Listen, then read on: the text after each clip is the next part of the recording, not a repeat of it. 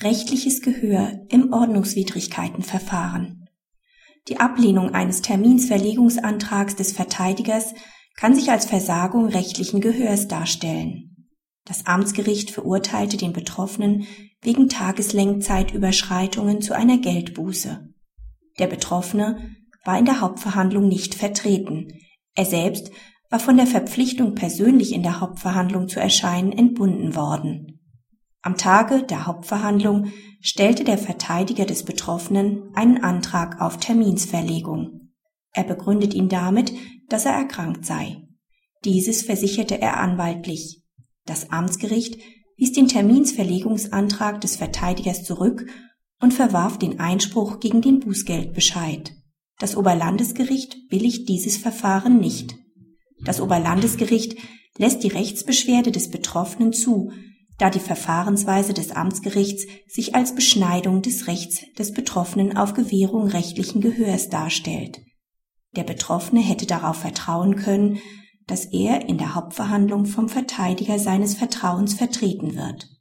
Zwar hat ein Betroffener keinen Anspruch darauf, dass im Fall der Verhinderung seines Verteidigers eine Aussetzung der Verhandlung erfolge, jedoch sei das Interesse des Betroffenen an einer Verteidigung durch einen Anwalt seines Vertrauens und das Interesse der Justiz an einer möglichst reibungslosen Durchführung des Verfahrens gegeneinander abzuwägen.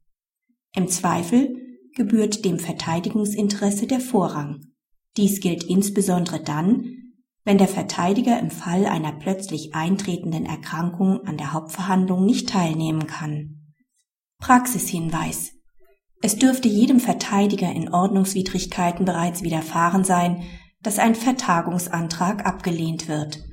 Dabei wird häufig die floskelhafte Begründung abgegeben, die Geschäftslage des Gerichts lasse eine Vertagung nicht zu. Diese Begründung ist insbesondere in normalen Verkehrsordnungswidrigkeitsverfahren nicht nachvollziehbar. Eine durchschnittliche Verkehrsordnungswidrigkeitensache erfordert weder eine umfangreiche Vorbereitung des Gerichts, noch sind im Regelfall mehrere Zeugen zu laden. Wenn die Geschäftslage eines Gerichts jedoch durch das Vorliegen vieler Ordnungswidrigkeitsverfahren angespannt ist, so ist nicht ersichtlich, weshalb nicht ein anderes Verfahren statt des ursprünglich terminierten verhandelt werden kann. In derartigen Fällen liegt es auf der Hand, dass das Recht des Betroffenen auf Einhaltung eines fairen Verfahrens missachtet wird. Auch die Möglichkeit einer ansonsten im Hinblick auf § 305 StPU ausgeschlossenen Beschwerde ist gegeben